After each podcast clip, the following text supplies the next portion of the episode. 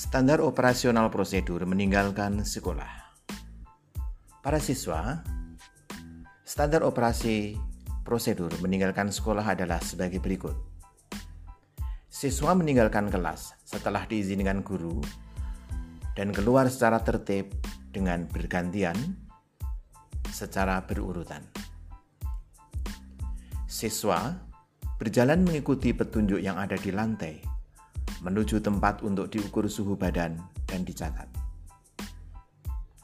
Berikutnya, siswa menuju tempat cuci tangan pakai sabun. Siswa menuju titik penjemputan parkir motor atau mobil dengan tetap menjaga jarak. Siswa secepatnya pulang menuju rumah masing-masing tanpa mampir ke mana pun.